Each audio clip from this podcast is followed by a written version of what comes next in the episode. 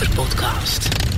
Dat hebben we toch allemaal wel een beetje. Als je op, op twee wielen wegrijdt, ja, dan heb je allemaal wel een beetje het gevoel dat je anders bent dan de rest. Nou, ik ben altijd wel echt iemand die zegt van... oké, ik neem een motor mee, maar ik ga er ook gewoon eerlijk over zijn. Dus eh, als er dingen zijn die ik minder fijn vind... dan ga ik dat ook gewoon zeggen. De Motorpodcast. Passie voor motoren. Met Dennis QC en Peter Kroon. Vanuit een uitverkochte zaal van Poppodium de Vorstin in Hilversum... is dit de honderdste aflevering van de nummer 1 podcast. Voor iedereen die zich motorrijder voelt... en voor iedereen die geniet van alles wat met motorrijden te maken heeft. Ja, dit is, het is wel tof dat jullie allemaal een kaartje hebben gekocht... en allemaal of heel kort of al heel lang luisteren... of half Nederland hebben doorkruist vandaag om hierbij te zijn. Echt eh, ja, wel trots, Peter, dat we dit voor elkaar eh, weten te krijgen. Ja, en ook in de luistercijfers zien wij het terug. Inmiddels worden we officieel gemeten. Officiële luistercijfers. Gepeild en gedaan. Alles wordt hier in Hilversum gemeten.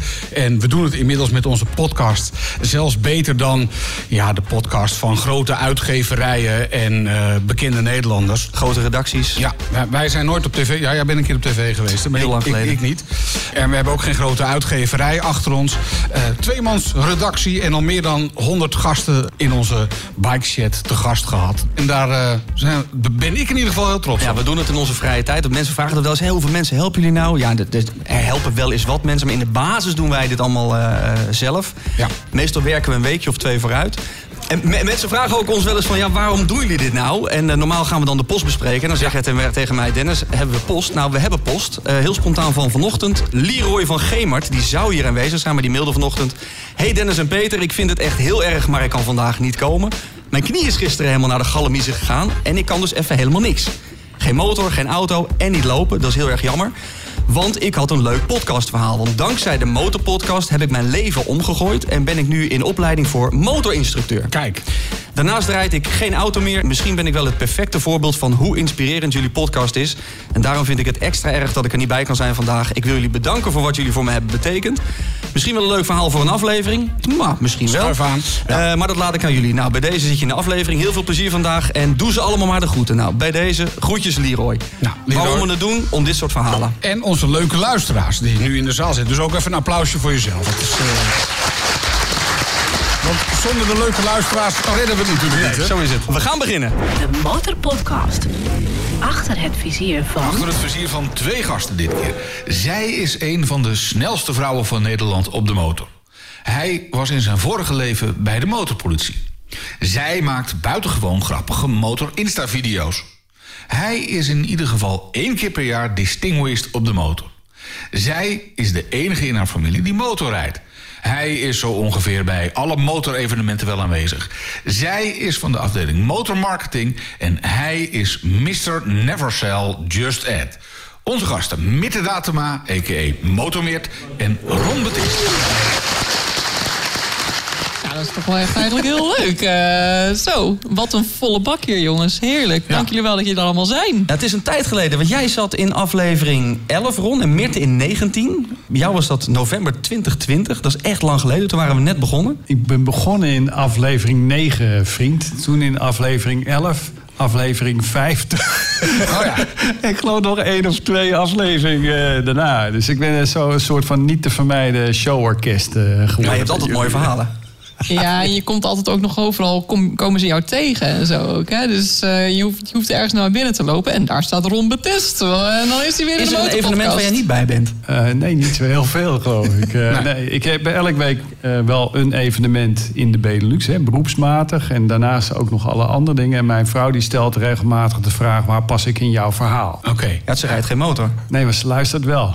Oké. Ja, Heeft ze rijdt wel motor. Ze rijdt wel motor. En als ze deze podcast luistert, dan hoop ik dat haar motor weer in elkaar zit. Die ligt nu helemaal in stukken.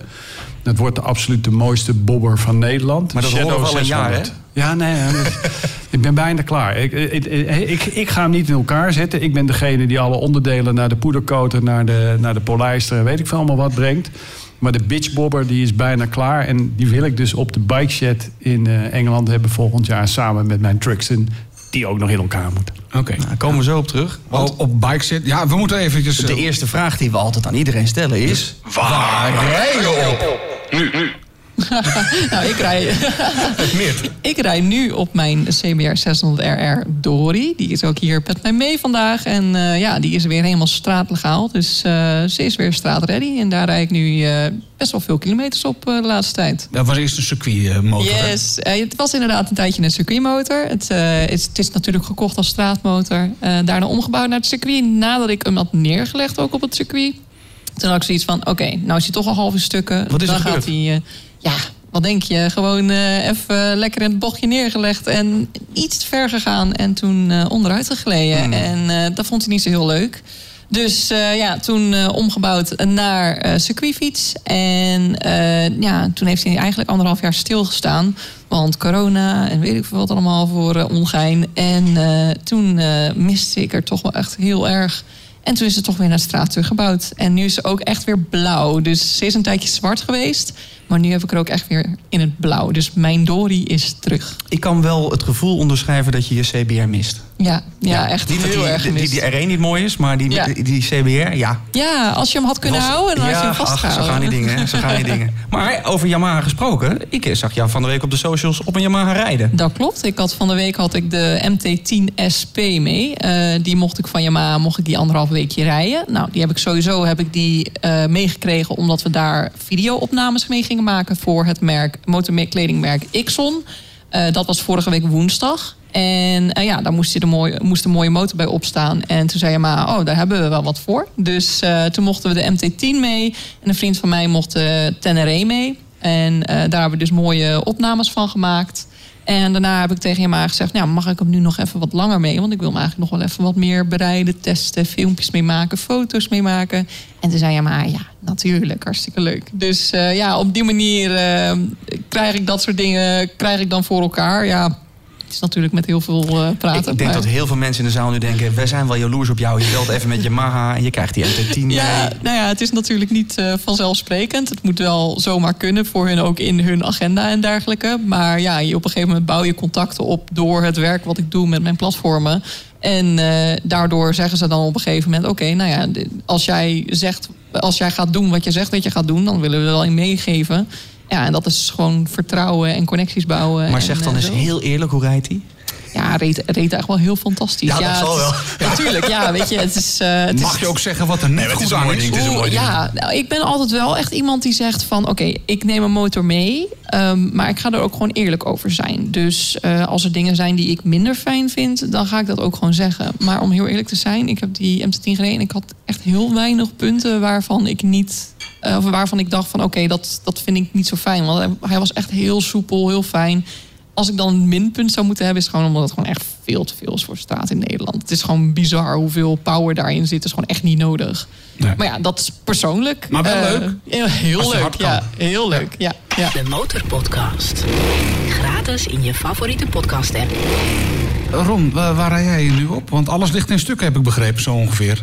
Ja, daar heb ik eh, nu de gelegenheid voor. Hè. Want ik heb eh, gewoon elke week een andere motorfiets, denk ik. Maar eh, op dit moment in het jaar is het eh, de periode waar de demo's eruit gaan. Ik werk voor Indian Motorcycle.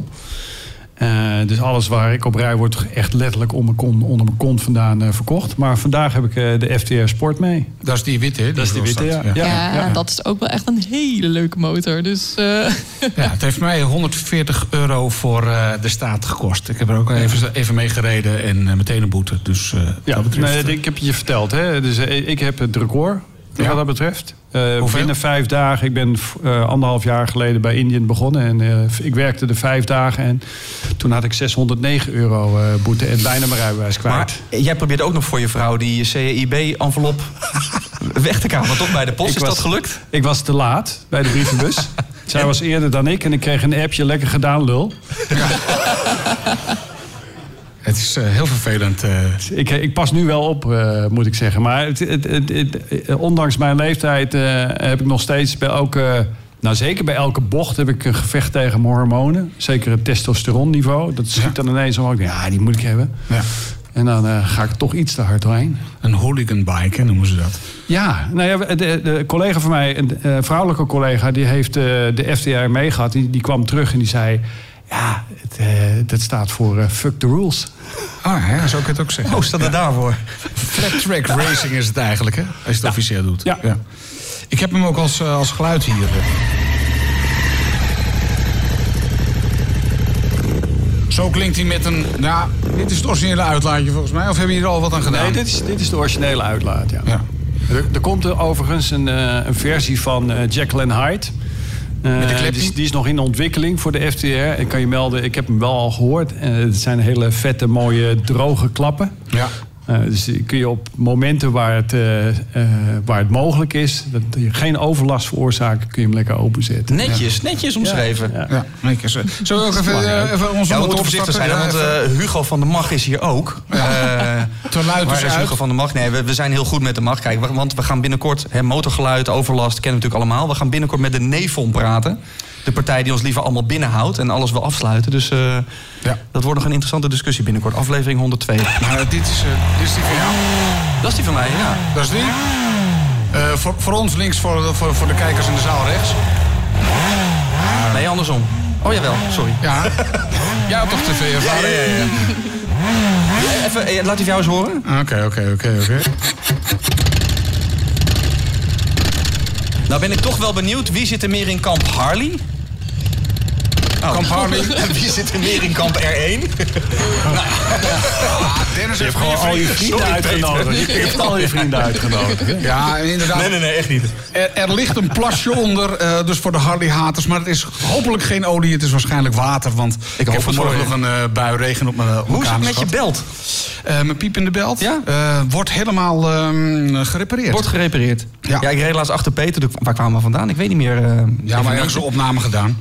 En ik reed achter me, dus volgens mij is er een kanarie in je ergens in. Want Ja. het hoort piep, piep, piep, piep, piep. Maar het Ja. bleek je bel te zijn. Het, is, eh, het, het wordt gerepareerd. En hoe belangrijk is geluid voor jou, eh, Meerte? Want we hebben het er vaak over, over geluid. Ja, ik, ik luister altijd echt met eh, heel veel interesse naar eh, de onderdelen wanneer jullie het daarover hebben en wat mensen hun idee daarvan is. Maar Ja. ik zelf heb er niet zo heel veel mee.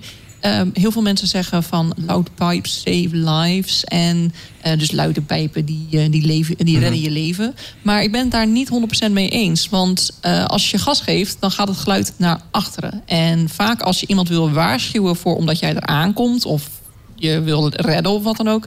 in de file of waar je ook staat... dan moet dat geluid naar voren gaan. Dus dan kun je beter toeteren, flitsen met je lampen... je, je gevarenlicht aan hebben. Dat werkt dan beter dan heel hard je, eh ja, je gas Eh, geven, trekken. ja. Ehm, dus ja, ik, ik vind geluid, la- laat ik vooropstellen, ik vind geluid vind ik ontzettend leuk. En ik vind het ook, eh, ja, het, ge- het geeft iets mee aan de motor. Bijvoorbeeld, dus om het nog even terug te gaan, die MT-10 van van de week. Ja, daar zit je wel op en dan denk je wel van, oh, wat een lekker geluidje. Maar die is dan ook zo geëngineerd dat dat geluid, het akoestische spel naar jou toe komt als je het, als rijder aan het rijden bent.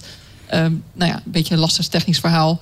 Ehm, maar ja, dat is ook wel weer heel fijn. Dus ik zit een beetje in de middenweg. Ja. Ik vind geluid belangrijk, maar te geluid geluid is uit. Ja, volgens mij willen we zeggen. allemaal niet dat er nog meer weggetjes worden afgesloten. Nee, dat, dat al helemaal niet. Ik wil gewoon van mijn eh, zondagmiddagritjes genieten. En ja, het, het, we maken het gewoon heel moeilijk voor onszelf als we het zo door blijven gaan. Ik heb daar nogal een tip over. Ja, een tip. Eh, eh, wie van jullie heeft wel eens gehoord van de Bikers Classics in Spa?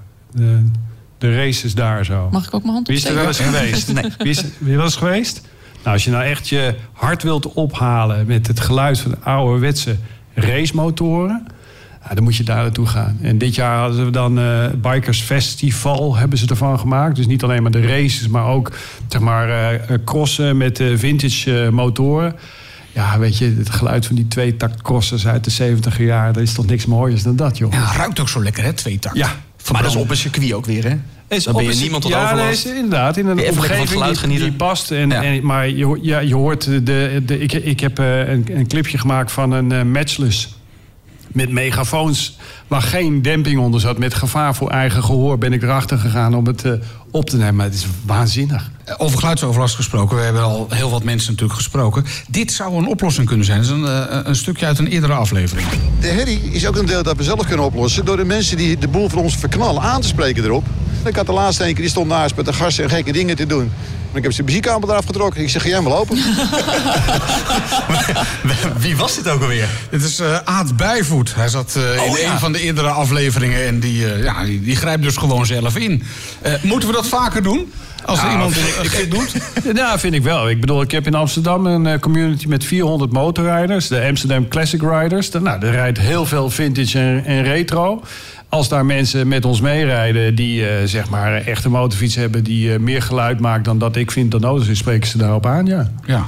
Ja, ik vind aanspreken vind ik inderdaad vind ik goed om te doen. Je moet gewoon iedereen ervan op de hoogte stellen. Maar ik niet iets ervan aftrekken. Dat is gewoon aan iemands anders eigendom komen. Maar nota bene was dit bij de, de protestrit voor Vrije Wegen. Dat was toen Ja. een soort van rebelse club die eh, in Utrecht... eh, we gingen van Utrecht naar Den Haag, naar de regering rijden... met een mannetje of 800 of zo. Ja, tijdens corona, dus het was ook een evenement tijdens corona... wat officieel niet mocht. En dan was dit zeg maar de geboden oplossing. Ja, volgens mij, zo kom je er ook niet. Nee, nee, dat, je moet, je Maar moet een mooie gouden, uitspraak. Dat is wel een mooi gewoon, verhaal. ja, Ja, je moet gewoon een gouden middenweg vinden. En dat is hem niet. Du- dus toch dit. We gaan gewoon een heel mooi geluid in die uitlaat creëren... zonder dat de volume te hoog Het is. onze eigen Bobby van Magic Motorcycles. Die, Ja. die zaagt de uitlaat door. En die maakt er iets moois van met klepjes, dingetjes. En eh, niet te veel herrie, maar toch een mooi geluid. Ja, ja dat, dat is beter dan een hard geluid, vind ik Ja. persoonlijk. De Motorpodcast. Voordat we eh, jullie eh, meest memorabele motormomenten... we moeten even, even een aantal van onze partners bedanken. Ja, belangrijk, want jullie als luisteraar zijn eh, voor ons van belang. Maar de afgelopen 100 afleveringen hebben ook een aantal bedrijven ons gesteund. MKC Moto en handelschoonmaken.nl zijn jullie natuurlijk duidelijk. Hè, want we hebben hele mooie prijspakketten van, van hen liggen. Die kunnen jullie winnen in de nabrander als jullie een hele leuke vraag hebben aan Kawasaskia. Of aan ons via Kawasaskia. Maar vergeet ook niet dat eh, onder andere de mag, we noemden ze al, ik zoek een motor.nl, Magic Motorcycles, de man die alles kan doen aan je motor als je zelf twee linkerhanden hebt. Combi Motorverzekeringen, Motorbus Utrecht, Motorcircuittraining en Motorshare. Dat zijn met name de bedrijven die ons de afgelopen jaren geholpen hebben. En die zijn voor ons wel van belang, want zoals we al zeiden, we doen dit allemaal uit eigen zak en in eigen tijd. Dus eh, die bedrijven verdienen ook een applaus. De Motorpodcast. De nummer 1 podcast voor motorrijders en motorliefhebbers. Ja, Ron, wilde plannen. Ik sprak je net al eventjes bij de, bij de bar. En je zei van nou, ik ga nog dit, ik ga nog dat. Ik, ik moest je trouwens wel helemaal uit je motorpak trekken. Want je, zat, je was je helemaal vacuüm gezogen, kwam je hier binnen. Alsof je uit de straaljager Ja, ik, kwam. ben, ik, ik ben een, soort van eh, eh, in een hybride outfit eh, gekomen. Een, een moderne motorfiets, moderne helm. Maar ik ben, eh, zoals jullie weten, groot fan van eh, alles wat eh, vintage is. Dus ik heb een alert op Marktplaats staan voor alles wat met belstaaf te maken heeft. En ik eh, heb onlangs een belstaaf motorpak van 50 jaar oud eh, kunnen vinden. Ik heb al de jasjes en de losse broeken, hè, alle Trialmaster spullen. Maar dit was een overal, die had ik nog nooit gezien. En eh, het was, ik stuurde vanmorgen Dennis een appje van... eh, het is mooi weer om even te kijken of dat ding nog waterdicht is. En ik kan je melden, hij is waterdicht. Maar je, je moest me, mevrouw moest me helpen om erin te komen. Ja. En jij moest me helpen om Het eruit te komen. vacuüm eh, gezogen zo ongeveer. Maar goed, het is gelukt. Ah, het, zag, het zag er wel goed Ik vond het er goed uitzien. Je ziet er absoluut goed uit in dat pak. Maar het is inderdaad, je hebt hulp nodig om en erin te komen en weer uit te krijgen. Ja, maar dat hadden ridders toch vroeger ook? Ja, dat is wel zo. Ja, dat is wel zo. De bike jij bent bij het bike geweest. Ja, In de Londen? In Londen, ja. Eh, en eh, best wel een inspirerende plek. En toen dacht ik dan, eh, dat moeten we eigenlijk in Nederland ook hebben, zo'n bike zit. Ja, 100 procent. Dus, eh, eh, als je kijkt op het, eh, op, op het YouTube-kanaal van mijn, van mijn website, bikebrewers.com.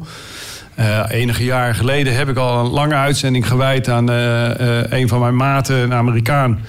Die is met een plan Moken Moto heeft helemaal uitgewerkt. Een businessplan is hij mee de boer opgegaan om te kijken of we dat in Amsterdam van de grond konden krijgen. Eh, waar is in de grote steden, met name eh, in eh, Nederland, behoefte aan, is opslag van motorfietsen. Er zijn best wel heel veel jonge mensen die willen motorrijden. Uit mijn motorshare-tijd bleek ook dat de, de, eh, bijna 60% van de huurders van motorfietsen zijn jonger dan eh, eh, 45 jaar. Terwijl de gemiddelde leeftijd van de motorrijder is, eh, wat is het, 55? Ja, zoiets. 65, denk ik. Nee, Nee, 55? 55? Ja? Jonger. Oké. Dat stond in de Linda notabene vorig jaar Ja, een oh, De gemiddelde leeftijd van motorrijders was rond de 51 volgens En als het in de Linda staat, Dan is het het waar. Dan is het Ja. waar, ja. Maar goed, eh, eh, dat heeft hij geprobeerd. Maar op het moment dat je tegen eh, iemand uit het vastgoed eh, zegt... joh, ik heb een leuk plan... en het gaat over motorfietsen, dan gaat de deur dicht. Waarom? Ja, geen idee. Dat vinden ze eng. Het heeft met de kleuren op de rug te maken, weet ik veel allemaal wat. Eh, maar, eh, hoe ga ik dat nou zeggen? We waren Er hier lopen- meteen welkom. Er, ja, ja, ja. Maar er lopen gesprekken eh, m- m- met de meneer die de bike shed doet in Engeland. Ja. Of het wat gaat worden, weet ik niet. Maar ik kan het niet nalaten. En dan wordt het dus Amsterdam. Als het aan mij ligt wel, maar pff, eh, het kan net zo goed een andere grote stad in de Randstad zijn. Ik denk wel dat het ergens in de, eh, eh, Utrecht, Amsterdam, Rotterdam... het zijn denk ik wel de geëikte plekken eh, daarvoor. Ja. Maar, het- Maar- het moet gewoon. Het is toch te gek dat we niet zoiets hebben in Nederland. Dat moet er komen, ja. Maar fantaseer even met, met me mee, met ons mee. Wat moet er dan inkomen? Hebben we het al aan eerdere gasten ook gevraagd. En de ene zei van ja, een zweefmolen met motoren erin. Hè, dat kan je Is lekker, grappig. dat is leuk. Anderen zei van nou, eh, hotel, camping en eh, wat... eh, Hoekje wat- voor Alice Dijkhuizen. Ja, Alice Dijkhuizen om eh eventjes eh, de vering eh, te doen. Ja, En, sleutel, sleutelcursussen. Ja, denk ik, sleutelcursus. Is, belangrijk. Van Gratel erin. Eh, we hebben, en, eh, je had het daar straks even over een dragstrip binnenin. Ja, ik heb dat gezien bij de introductie van de, de Triumph Bobber in Engeland. Ja. Daar gingen ze dragracen met die bobbers. Dat Ja. waren weliswaar eh, zeer bedreven rijders. En ze hadden een redelijke uitloopstrook. Toch ging het af en toe nog wel mis. Dat was ook wel grappig. Ja. Maar de, eh, burn-out cursus. Ja, waarom niet? Ook Ja. wel Hey, dan krijg je lekker die vergunning. Ik heb ooit... ik heb ooit nou ja, het is toch binnen allemaal? Binnen, dan mag het. Je, ze mochten in de jaarbus Utrecht, met moeite mocht die, eh, die bikeparking in een hal. Want eigenlijk mocht dat van de gemeente niet. Want zet je 500 motoren met brandstof bij elkaar, heb je weer eh, overlast. Ja, maar je weet al Brandgevaar. een een van mijn, mijn persoonlijke hashtags is motorcycle mischief. Ja, dat is waar. moet, ik bedoel, dat, dat hebben we toch Gewoon allemaal doen. wel een beetje. Als je op, op, op twee wielen wegrijdt, ja, dan heb je allemaal wel een beetje het gevoel dat je anders bent dan de rest. Ja. Ja, Weet dat je? is absoluut Dus- zo. Maar eh, de, de, eh, Gezellig ik- cafeetje? Ja, ik denk een filmzaal. Ik heb, Filmzaal? Ja, ik heb een, in, in 2019 heb ik de eerste ride-in cinema in de wereld gedaan. Heb, ik, heb, ik heb het onderzocht. Is nog nooit ergens weg. Drive-in cinema wel. Hè? Je met je auto openlucht eh, eh, theater en naar de film gaat zitten kijken. Ik heb bij FC Hyena heb ik dat gedaan in Amsterdam-Noord. Eh, toen hadden we eh, The Wild One en eh, Easy Rider als films. En na de eerste film, de week erop, kwam de politie. En die, eh, die eh, kwam eens even kijken wat het allemaal was. Nou, er zaten oude mannetjes op motorfietsen naar Niks aan de hand. Dus dat viel nogal tegen. Dus dat was wel jammer voor ze. Maar als tegenhanger voor de oude mannetjes met motorfietsen... moet er een motormeiden, motormeerthoek komen met... eh Ja, weet ik dat kan natuurlijk. Of gewoon eh goede, goede marketing voeren. En eh, ja, eh, lekker eh, ook de jongere doelgroep aanspreken. Die, eh, die mensen van Motorshare die eh, onder de 45 die motoren lenen. Ja, nodig die uit. Ja. Eh 5 euro en, eh, en een bakje popcorn. eh Waar kom moet er langs. voor jou in zitten dan? Wanneer zou jij maar- langs rijden? Een spa. Dus, dus ook nog... eh, en, niet, en niet alleen voor... eh En dan ook gesponsord door zo. bijvoorbeeld, ja, dan kan lekker fris naar buiten Dat je overal bij kan komen. Ja, bijvoorbeeld. Nou, Ja, eh, jullie weten ook allemaal dat Peter houdt niet van kamperen. Ik vind het ook vreselijk, dus er moet een spa in. Ja, een mooi hotel. eh, Een hotel, maar ook een kampeerplek. En dit zei Jur van de week, die we even in de studio hadden. Ja, eigenlijk moeten wel, vind ik, eh, barbecue. Gewoon. Dat, dat vind, ik, vind ik wel echt motoreten gewoon. Ja, Ja. echt Motoreten. motoreten. Ja. Motoreten. Ja, Ja, dat, nou ja, dat eh, is wel sfeer. Ja. Vaak hebben de, eh, hoe heet het, de, de motorzaak natuurlijk een, een koffiecorner en een hamburgerhoek. Nou, houdt het wel op. Dus Ja. eh, echt goed eten, eh, barbecue. eh, Maar het belangrijkste is denk ik wel authenticiteit. Ja. Ik bedoel, het bike shed hartstikke mooi. Het is wel een beetje een tourist trap aan het worden, hè? ja. Het, eh, Maar als het succesvol is. Ja, maar dan Tussauds is ook succesvol. Ja, ja, Het lijkt mij vreselijk. Maar, Ik heb ook een prima franchise voorstel gekregen. Maar hier zitten partners en bezoekers in de zaal die het met jou mogelijk kunnen maken rond in 2024. Nou, Kleine ja. opnamehoek voor de motorpodcast erin. Ja. Dan, eh, nou, dat, dat, dat sowieso. Maar wie, zou het, wie, wie, wie in de zaal zou het leuk vinden als er zoiets in Nederland zou zijn? Kijk, Allemaal kijk, toch? ja, ja. Iedereen, Eigenlijk is dit al een soort van kleine bike shed Hilversum dan. Ja. Moeten we niet de motorpartij gewoon oprichten? Dat, dat Kan dat nog? Nee, dat kan niet meer. Hè. We zijn al te laat. En dan word jij een soort eh, concurrent van Caroline van der Plas. Ja, sowieso. Maar dan een beetje Jacobs en Van Ness eh, achter. De, gezeik, motorpartij. iedereen... eh, hè? Iedereen kijkt. De Motorpodcast. Even naar de meest memorabele. Ja, Meert. Meert, je had gereden met G MotoGP mensen? Ja, niet met de MotoGP-motoren hoor. Dat, eh dat wel gaan we heel niet hard. op vinden. Maar nee, eh LCR Honda, die eh, sponsoren wij eh, met mijn werk. Dus Ja. ik werk bij CMSNL, eh motorspares. Dus, eh, voor classic motoren en dergelijke. En als je goed oplet, als je de MotoGP kijkt... dan eh, zie je bij de motoren van LCR Honda... zie je op de zijkant zie je een heel klein rood, zwart, wit poppetje zitten... eh, van CMSNL. En eh, ja, daar werk ik. En eh, wij sponsoren dus eh LCR Honda. Dat was jouw toegangsticket. Ja, dat was mijn toegangsticket. Ah. Niet alleen tot de MotoGP, maar dus ook eh totdat ze ons uitnodigden om eens een dagje te gaan circuitrijden in Italië. En dan niet naar Mugello of weet ik veel wat allemaal. Niet, niet, niet de grootste mega circuits, maar gewoon een leuke, kleinszalige circuitdag voor sponsoren van LCR Honda. Ons uitgenodigd. En hier heb je een Honda van eh, Honda. Dus niet een MotoGP-motor. Dat, eh, daar gaan ze niet in opzetten. Maar ja, een, eh, een, een hele leuke nieuwe CBR Fireblade. En eh, ja, gaan we lekker rondjes rijden op circuit. Ja, Hoe dat was was het? fantastisch. Oh, fantastisch. Want jij hebt Echt, het menig ja. circuit al gezien in Nederland. Ja, maar dit was even andere koek. Sowieso, ja, een eigen circuitdag waarop je op je eigen motor rijdt en de baan rondgaat. Is natuurlijk hartstikke leuk. Je bent de motor ben je gewend. En ja, dat, dat is gewoon heel leuk. Maar dit, hier wordt alles voor je geregeld. Dus je hoeft daar maar aan te komen met je motorpak, je helm en eh, veel zin. En zij zetten een motor voor je neus neer en hey, ga de baan op, ga lol hebben. En we zien je over 10 minuten wel weer terug. En eh, laat ons maar dan weten wat, eh, wat je wil. Wil je dan iets aangepast hebben aan de motor, dan kan dat. En anders dan, ja, ga gewoon plezier hebben.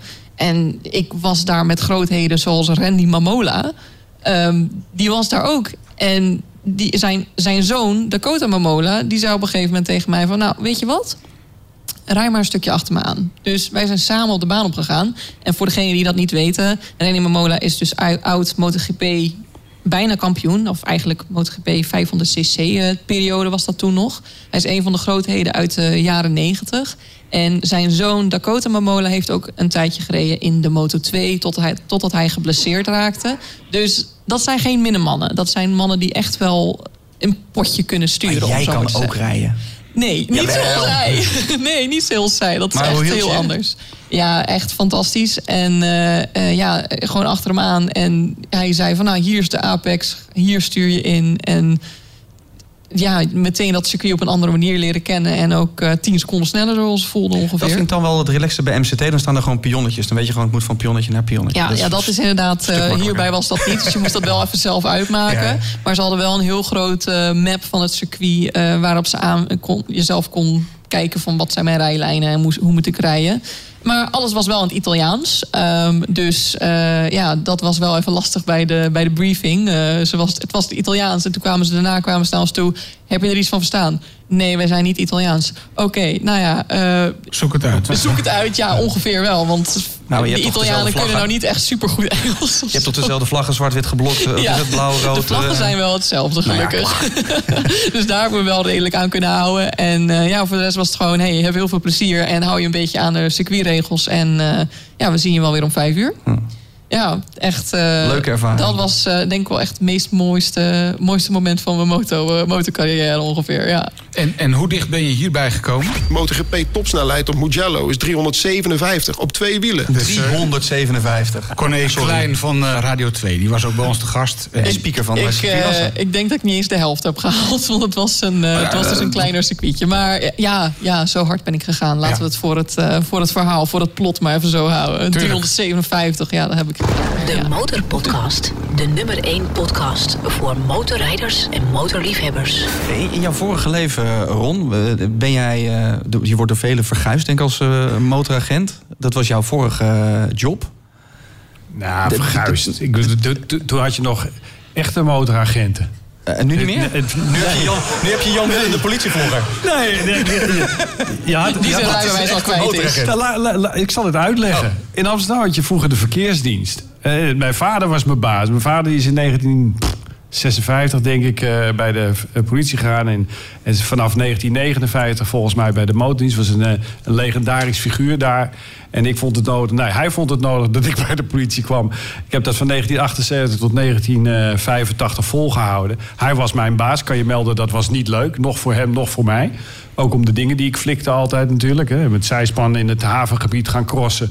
En dan het bureau eh, aan de Anne Frankstraat binnenkomen rijden. Met een hele natte motorfiets. Want ik woonde in Amsterdam-Noord. Had het ding schoongespoten. En dan kwam die oude naar beneden lopen. En toen zei hij van, joh, hoe komt die motor helemaal dan? Want het was 30 graden. Ik zei, ja, pa, een regenbuitje gehad. Oh ja, en je laarzen dan? Ja, die waren allemaal vies natuurlijk. Dus dat, dat, dat, dat wrong wel eh, een beetje. Maar bij die Anne Frankstraat, daar zaten 60 motorrijders. Eh, en die deden niets anders dan elke dag motorrijden. In de winter aan, op een zijspan. En in de zomer op een solomotor. Of is ook natuurlijk met zijspan. Maar we deden niet anders dan dat. En, en nu zie je mensen die dat er dan bij doen. Ja, er is nog wel een landelijke dienst. Daar zit ook nog een maat van mij. Daar hebben we nog een leuke actie mee gedaan. Hè? Alsof ze op onherkenbare politiemotoren snelheidscontroles zouden gaan doen. Maar dan nog met een Indian. Nou, er waren toch een hoop mensen die dat geloofden. Eh, met, eh, op 1 april. Maar eh, nee, dat zijn nog wel echte motorrijders. Maar nee, het is zoals het vroeger was, was het niet meer. En, en, en, en een motoragent in Amsterdam had respect. Eh, daar had men respect voor. Als je van je motor afstapte, dan wist men gewoon in Amsterdam... dan heb je een prent te pakken. Klaar. Ja, want we, we hebben Rob de motoragent gehad. We doen gewoon rustig aan, want we hebben haast. Maar deze man, als je aflevering... Is het 87? Nee, niet 87? 29 niet hebben beluisterd. Ga die luisteren, 29 en 30. Deze man had verhalen. Goud. Ja. Maar is het niet zo dat je eh, als motorrijder beter aangehouden... of staande gehouden kunt worden door een motoragent... dan door een gewone agent in een politieauto? Er is toch meer begrip van een politieagent? Jawel, hoor. motoragent? Ja, dat, denk ik wel. Eh, Vroeger was het zo, ik weet niet of ik geloof het nu nog steeds is hoor. Maar een motoragent die opereert in principe in zijn eentje. Eh, dus die doet, moet in zijn eentje moet hij de situatie aan en de situatie oplossen als er een probleem is. Ja. Eh, da- daar heeft, had men denk ik wel respect voor. Ik denk dat de tijd wel veranderd is. Dat het sowieso een ander vak geworden is. Maar eh, vroeger was het zo van ja, je, je, je- had met één man te maken. Als, Ja. eh, en, en ja, jij, jij was de baas op dat moment. En wat jij eh, bepaalde is wat er gebeurde. Zo werd je opgeleid. Eh, En dus, ja, daar, ik denk dat mensen daar rekening mee hielden. Ik, ik, ik denk serieus dat het tegenwoordig wel anders is. De tijden zijn wel veranderd. Maar je bent blij dat je geen motoragent meer bent. Ik zou dat niet meer kunnen. Nee. Ik zou dat echt niet meer kunnen, nee. nee. Nee, met zo'n racemonster. Zeker, ja. Maar doe even één, eh, doe even één sappig verhaal uit jouw motoragent eh, Ja, verleden. je hebt Doe, een keer hard in moeten grijpen.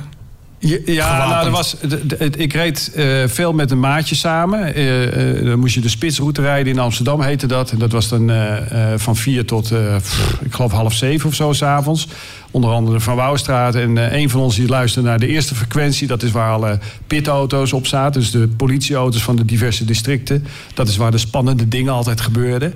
En de andere die luisterde naar de 50 fre- frequentie. Dat is waar wij als verkeersdienst op zaten. En als er wat gebeurde en ik zag eh, mijn maatje die naar de eerste frequentie luisterde heel hard wegrijden. Dan ging ik gewoon achter hem aan. Nou, er is wat te doen. En op een gegeven moment was er ergens een overval geweest in Amsterdam. Op eh, Frederiksplein of zo, ergens in de buurt. En eh, we zien iemand lopen die aan de omschrijving van de verdachte voldeed. Eh, dus we reden naar hem toe, eh, langzaam over de stoep met getrokken pistool. En ik zet die meneer een pistool tegen zijn hoofd. Bleek hem niet te zijn, maar hij had wel in zijn boek gepoept. Nogmaals, mijn Ah. excuses voor de verkeerde aanname. Hij, vond het heel, hij vond het zelf ook heel gênant. Ik Ja. ook achteraf. Maar ja, goed, dat gebeurt. Ja. Ja, tegen- tegenwoordig vragen ze alleen, eh, wat zijn wij aan het doen? Dat doen ze nog steeds altijd. Ja, Praat in koninklijk meervoud. Ik Ja. rij op de motor en jij ook. Dat, eh, En eh, jouw meest gênante moment, Meert? Mijn meest gênante moment. Ja, is- nu, we hebben het over gênant, nu een gênant moment van iemand die staande Eh, gehouden werd. Ja, Heb je eens nee. een keer eens beleefd? Ik heb wel eens een keer gehad dat ik. ehm, we, waren, we hadden de hele dag hadden we gereden. En de hele dag was het goed gegaan. En, eh, maar we hadden, al, nou, we hadden eigenlijk eh, al een tijdje niks gegeten. Eh, we waren voor lunchtijd weggegaan en we hadden de hele dag gereden. En op een gegeven moment toen was het redelijk einde van de dag. Het was richting, richting half vijf. En vrienden zeggen tegen mij: Kom, we gaan even een ijsje halen. Dus ik zeg: Oké, is goed, we gaan daarheen. Wij daarheen gereden. En wat doe ik? Alles was goed gegaan de hele dag. Echt een fantastische rit gehad. Ik rij het stoepje op. En wat doe ik? Ik knal zo mijn hele motor tegen een paal aan. En ik donder om. Vol, voor een vol terras met Oh, ja. mensen die ijsjes aan het eten Net waar waren. het niet moet gebeuren. Ja. Dus ik spring meteen op. Ik pak mijn Niks motor aan de hand, meteen niks aan op. de hand. Niks aan de hand, niks aan de hand. En mijn vriend en een vriendin die staan achter mij. Wat doe jij nou? Ik zo, ja, ja, geen idee eigenlijk. Ik had geen idee wat er gebeurd was. Maar ik denk dat dat wel een, een van mijn meest gênante momenten was. Want eh, ja, dat, eh, dat onthoud je toch wel een beetje. gewoon je helm ophouden dan, dan zien ze niet wie je bent. Maar goed. Ik heb Ja. nog- ja, er staat heel groot motormeert op die CBR. Oh, Dus, ja. dus, eh, ik, heb, ik heb nog een, een hele. le- De, de leukste reactie die ik ooit heb gehad. van iemand die veel te hard reed. Daar reed ik achteraan. Ik zet hem op een gegeven Hij was een motorrijder. Ik zet hem aan de kant. Hij zet zijn helm af. Hij zegt: We gingen wel hard, hè? Ja, heb je een foto? Ja, dat, is- dat, is- dat, eh, die, heb ik ook, het. die heb ik ook laten gaan. Ja, af en toe moet het even kunnen. Ik, ik wil je nog wat anders even voorleggen uit, uit een eerdere uitzending. eh. Die auto maakt je zelf een beetje lui. Hè? Je zit in een makkelijke stoel, je luistert naar een muziekje... je hebt de kachel lekker aanstaan. Zelfs de meest enthousiaste motorrijder wordt een lui wezen in een auto. Hugo Pinksterboer van de Mag heeft dit eerder gezegd in, eh, in de Motorpodcast. Worden we lui van eh, in de auto zitten? Ja, ik denk het wel, hè? Yep, sowieso. Ja. Ja, zeker wel. Ja. Ja. Het- Je, je, je, je gaat andere dingen... Nou ja, ik, ik weet niet wat jouw ervaring is... of de mensen in de zaal... maar als je als motorrijder langs een auto rijdt... kijk eens naar binnen. Ik- denk... Zeven van de tien mensen zitten op hun telefoon te kijken. Misschien nog wel meer. Nou, helemaal als je de file ergens langs rijdt, inderdaad. Dat dan is echt heel helemaal erg. erg. Ja. Dat is echt heel erg. Ja. Dus maar als jij aandacht in de auto zit, doe je dat natuurlijk niet. Nou, ik zal je vertellen. Ik, ik deed het ook wel Nee, nee, nee, serieus. Ik deed het wel. Ja. En toen dacht ik bij mezelf, ik ben eigenlijk net achterlijk. Als ik op de motor zit, heb ik dat ding gewoon in mijn tas of in mijn jas zitten. Dan ben ik gewoon niet bereikbaar. Hm. Ook die, die cardo's op je helm of zo, geloof ik allemaal niet in. Vind ik allemaal niks. Eh, als ik aan het motorrijden ben, dan eh, ben ik aan het motorrijden. Ja, heb ik ook. Eh, dus ik leg hem nu in de auto ook gewoon achterin. Ik dwing mezelf om er niet op te kijken. Het is inderdaad wel zo dat je gewoon als autorijder in de auto... ben je gewoon anders met het verkeer bezig dan op de motor. Ik eh, denk altijd als ik op de motor van werk naar huis ben gereden... en je moet een stukje moet je file filteren... ik kom altijd kapot thuis. Gewoon echt helemaal Er gesloopt. is niks zo vermoeiend als filteren. niks zo vermoeiend als Ja. filteren door de file heen. En dat komt omdat al die mensen in de file... die zijn gewoon niet aan het opletten. Hm. Die zitten op hun telefoon, die kijken niet in hun spiegels. En dan moeten wij allemaal opletten op, om naar voren te kijken... van oké, wat gaan zij doen, wat gaan zij doen? Dus je bent constant, ben je, je bent achter je bezig... ben je naast je bezig, bent tien auto's voor je bezig... en dan ga je echt gewoon niet harder dan 15 kilometer harder... dan het rest van het verkeer. Hè. Dat, dat, Hoeveel harder? je, mag, je mag maximaal 10 kilometer per harder, maar... Ik vind 10 kilometer 10 per uur- kilometer harder? Ik dat je 30 kilometer harder Ja, jij wel. Ja, jij wel, ja. ik, heb, ik heb daar een bijzondere ontdekking in gedaan. Nou, vertel. Si- Sinds, sinds ik voor Indian werk, rijd ik ook wel eens op grote motorfietsen. Weet je, Ja. Dan heb je de Roadmaster en de Challenger. Dat zijn van die enorme bakken. Ja, jouw motor ook, maar dan met Ja. een kuip. Toen ik voor het eerst met zo'n zo'n groot ding naar huis moet... Hè, ik rijd dan eh 75 kilometer per dag... permanent eh, Al van der Rijn eh, elke dag, vice versa. Nou, eh, sa- eh, s- s morgens heen en, en s'avonds terug... 9 van de 10 keer in de file. Dan denk ik, oh, nou moet ik met die grote Roadmaster of zo'n Challenger door de, Ja. door de file heen. Hoe doe je ik kan dat? je melden, ik voel me net Mozes. Ja. Echt. Dan heb je die enorme knipperlichten en doe je die, die mistlichten doe je aan. Ja, en alles gaat voor je opzij. Ja. Dat is niet normaal. Oh, dat, Alsof is, ik blauwe lampen erop heb zitten. Je moet het voor de grap eens een keer proberen. dat, dat is dus het, dat is het geheim. Ik moet gewoon op een grotere motor gaan Z- rijden. Zijn hier mensen in de zaal die zo'n type motor hebben met zo'n grote kuip erop? Die, Ja. Veel licht. Ja. Veel Veel licht, hè? die twee stralen zijn. Ja, ja. Een Maar- bijzondere ervaring. Wat ook fijn is, is dat in Nederland, ik weet niet of mensen dat kunnen onderschrijven, maar steeds meer mensen ook volgens de Duitse methode gaan rijden. Althans, de automobilisten. Dus in een file de linkerbaan ver naar links en de ene linkerbaan naar rechts. Dat doen ze in Duitsland allemaal. Dat geeft ons motorrijders in Nederland nu ook de kans om gewoon lekker doorheen. eh, Weet je waar het dat- extreem is? Ik ben naar Tsjechië geweest dit jaar. eh, Indian Rider Fest in eh Budweis. In Tsjechië, als automobilisten in hun spiegel een motorfiets aanzien komen... en ze rijden op de rechte baan, gaan ze op de vluchtstrook rijden om je erdoor te laten. Ik wist niet wat me overkwam. Kijk. Dat is wel hele luxe. Maar mag je daar ook doorrijden? Want in Duitsland mag je niet eens Ja, ja, ja, nee, ja, goed, in Duitsland, eh, eh, ik was met mijn maat, die eh, KNV-instructeur was, een oud collega van de motordienst ook. En ik, eh, Ros met die, eh, ik had de chieftain mee, Ros door de files heen. En hij zegt, dat mag helemaal niet in Duitsland. Nee, Nee. dat mag zoveel niet in Hij bleef, hij bleef heel erg ver achter bij me. En ik denk, wat ben jij nou aan het doen, man? Ja, maar daar kunnen ze nog wel veel van leren dan eh, hier in Nederland. eh, want hier in Nederland, ja, Dennis zegt dat wel, maar ik zie dat. Ik weet niet in welke files jij rijdt, maar Nee, steeds meer automobilisten gaan helemaal links op het lijntje rijden. Ja, Nou, dat dat geeft is ook wel mijn ervaring. Ja hoor. dat Mooi, ik, misschien ik vind het, het eh, meevallen, maar dat komt misschien dus door de motor waar ik op rijd. Ik noem dat dan de Duitse methode. Geen idee of het zo heet, maar eh, Groot licht aan en gewoon gaan. gewoon licht aan en gaan. Ja. En ook met zo'n brede bak is het gewoon eh, je spiegeltjes. Dat is Ja. het eh, uiterste stukje. Of tenminste, als die spiegeltjes per ongeluk iets raken, dan, dan, en dan Ja, wordt dat het heel erg. Toch een keer zo'n sportchief mee dan eh, van Indian eh, om dat uit te Nee, er proberen. zit geen Die, kuip eh, op. Oh, dat Dan moet je een dat- Challenger of een Chieftain of Ah, een Oké, Roadmaster ah, mee. ben benieuwd. Kom maar halen. De Motorpodcast. Ron, je hebt eh, nog dingen meegenomen. Ja, ik Vertel heb- even. eh, ik we heb- lopen tegen het einde van de uitzending. Ja, oh, oké. Eh, Soort van. Ik, ik heb wat eh, eh, petjes, eh, eh, Indian eh, FTR eh, petjes. Eentje voor jou en eentje voor jou. Alsjeblieft. Dankjewel. Dankjewel. Leuk Ron, ja, het is... Weet je, we nodigen jou om de zoveel tijd uit. En er zitten altijd leuke verhalen in. En natuurlijk je hele verhaal met Indië, maar ook het, eh, ja, de, de belevenis. Jullie beleven allebei leuke dingen. En uit jullie allebei spreekt gewoon motorpassie. En wij zijn gewoon altijd op zoek naar mensen die motorpassie hebben. Als je rijdt op twee of soms op drie wielen, dan ben je welkom. Ja.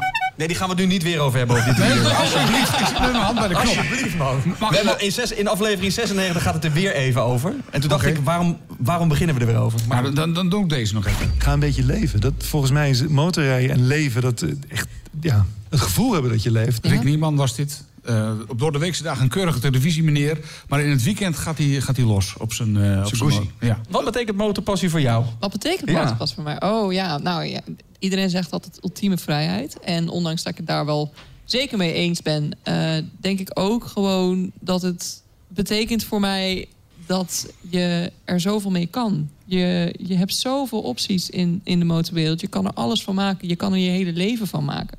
In mijn geval klopt dat ook wel redelijk, eh, zo langzamerhand. Maar eh, ja, het is, het is dus naast vrijheid is het leven. Kunnen, kunnen leven. Ja. Ja. Recht voor gaan.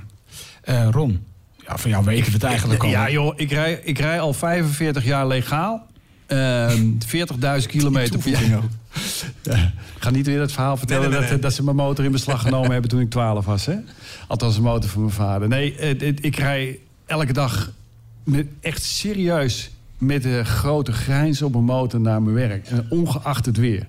Weet je, het boeit me niet. En dan kom ik op kantoor en dan ben ik weer de meest luidruchtige man op kantoor. Iedereen moet wel elke dag weer even aan me wennen. Dan heb je hem weer met zijn grote bek. Maar ik ben dan helemaal wakker en ik ben helemaal klaar voor de nieuwe dag. En ja, weet je, werken voor Indië voor mij... ah, Het is, het is het mooiste, mooiste afronding van een carrière die je kan eh, bedenken. Het mag nog een paar jaar. En dan is het klaar. En dan mogen ze me een FTR en een challenge meegeven. Doen ze vast. Oh, ja. Als je dit nu zo zegt. In plaats van ze een theelepeltje. eh, ja, ja. Of een horloge. Ja. Nou, als het jouw horloge is. Nou ja, ik heb, ja, hij wordt officieel onthuld hè, op de bike show. Eh, de, de, de Big Twin eh, Bike Show. Eh, daar, daar gaan we een groot feest vieren. Wij De- zijn er ook. Harley is jarig en wij gaan feest vieren. Dat is een beetje het thema. Bijzonder. Dus ik probeer dat dan wel over te nemen. Daar hou ik wel een beetje van, een beetje prikken. Ik heb ook gezegd, hè, dus, tot 31 december. Die gaan we verlengen tot 31 eh, maart. Als je Harley inruilt voor een Indian... betalen wij je Indian Motorcycle Tattoo. Nou, dat... Die gaan, we, die gaan we daar promoten. En het, eh, en het horloge het, eh, eh, in een zeer, zeer beperkte oplage van 50 stuks wordt daar onthuld. En wat we gaan doen is, we hebben een kluis waar het horloge dan ingaat. En iedereen die naar de, naar de Big Twin Bike Show komt. maar goed, daarna gaat hij drie maanden langs alle dealers. De kluis mag je een code van zes cijfers intoetsen. En dan kun je de combinatie van het horloge en een Indian Sport Chief... ter waarde van totaal 30.000 euro winnen. Kijk, nou, als we het dan toch over het grote... Ja, voordat we naar de bar gaan, ik wil toch nog eventjes eh, de 100.000 euro eh, voorleggen. De Motorpodcast. 100.000 euro voor je motorliefde. Wat ga jij ermee doen? Je hebt je rekenmachine thuis gelaten. Ja, oh ja, maar rekenmachine. Nou goed, eh Meert. Ja, nou komt ie. We hadden het voor de uitzending hadden we het al even over. Want ik heb hem natuurlijk eh, beantwoord in eh, onze, in onze aflevering, nummer 17. Dat ik ermee de wereld over zou reizen en allerlei circuits af zou gaan om daar te gaan rijden. Dus echt alle grote circuits die er zijn. En dat is nog steeds een hele grote droom. Maar ik had laatst had ik een heel grappig filmpje gemaakt. waarin ik zei van. Hé, ja, al mijn geld gaat op naar mijn motor. Dus ik heb geen geld meer over voor een huis. Dus ja, voor die 100.000 euro. Ik zou toch een aanbetaling maken op een huis. Nee, dan moet het, dan moet het Ja, het moet opgaan aan een werkplaats of zo. Oh ja, shoot. motor. We zijn Ja, wel streng. ja, ja, Nee, nee, maar die motor, de, de, de suggestie was, doe dat dan. Ja. En dan kun je je motor lekker in de huiskamer. Precies, Oh, ja, voor een eh, motorhuiskamer. Dat je naar binnen kan rijden, weet je wel. Ja, en dan eh motor daar neerzetten, op de bank neerploffen en eh call Mooi it a day. En Ron? Ik, ik zat eerst te denken van, eh, ik wil de bike shed beginnen, maar Ja. ik ga wat, nee, ik ga wat eh, meer voor mezelf doen. De, de- die, die- hoe heet het? Die, eh, ze hebben, volgens mij zijn er 23 eh, van die race challenges gemaakt, die meedoen aan de, de King of the Baggers van ding er kost 120.000 euro in Nederland. Maar In Amerika kan ik hem voor 93.000 dollar volgens mij kopen. Dat ding, het is alleen maar voor het circuit. Ja. Maar ik vind hem zo ongelooflijk mooi. Ik denk dat ik die dan zou kopen en die dan wel in de huiskamer eh, Ja, ja, zetten. ja, die moet dan al een prominent plekje Ja. in de huiskamer. Ja. En kan je hem voor 7k, 7000 hierheen halen? Of wordt het lastig? Dat wordt wel lastig. Oh, overigens, ik, ga, ik ben bezig om uit Duitsland zo'n performance bagger te halen. Ook op de, op de bike shop. Eh, ik ben ook wel benieuwd naar jou, Honderdaan. Want het wisselt nog wel eens bij ons volgens mij. Ja, ja het is iedere Want ik heb ooit gezegd, ik wil een R1. Nou, die staat er inmiddels, dus die kan van het lijstje af. Ja. Eh, misschien een tweede. Nou goed, dat horen We ze gaan zo ze meteen horen, we gaan ze horen. De bar is open. En eh, ik zou Ja, we moeten even officieel afsluiten. Oh, ja, het is natuurlijk wel een officiële aflevering. Eh Ron en Meerte, dank voor jullie komst naar in dit geval niet de studio, maar onze bike shed in Hilversum, de Vorstin. Eh, dank voor het aanschuiven hier. En normaal krijg je dan een vizierreiniger gezet van handigschoonmaken.nl. Hebben we even een ander mooi cadeautje voor jullie, alsjeblieft. Dankjewel, Ron. Dankjewel, jongen. Een eh, mooi eh, prijzenpakket in dit geval eh, van ons. En eh, jullie als luisteraar weten hoe laat het is. Want eh, jullie blijven normaal zitten voor de nabrander. Dat is nu niet zo, want Kawa Saskia gaat ons interviewen voor de nabrander. Ik ben benieuwd wat voor vragen ze uit de zaal heeft gehaald. De meest originele vragen winnen een mooi pakket van handigschoonmaken.nl. Een mm, Risha verwarmde handschoenenset en een communicatieset. Staat ook nog op de prijslijst. En een waardebon van MKC Motor van 50 euro. Dus blijf vooral hangen voor de nabrander. Luister ook naar de volgende aflevering, want dat is dan 101. En waarschijnlijk gaan we het daarin hebben met de NEFOM over geluidsoverlast. En ik zei het al, de NEFOM, dat is de Nederlandse Federatie over Omgevingslawaai Motoren. Dat is nou net een groep mensen die ons als motorrijders liever zien gaan dan komen... en overal wegen wil afsluiten voor motorrijders. En ze gaan zelfs een schadevergoeding eisen... omdat het geluid van motoren gezondheidsschade zou opleveren. Ze gaan wel heel ver. Nou, we hebben ze uitgenodigd in ons Hol van de Leeuw... dus dat belooft een eh, pittige aflevering te worden... Dat en nog veel meer in de volgende aflevering van... De Motorpodcast. Podcast.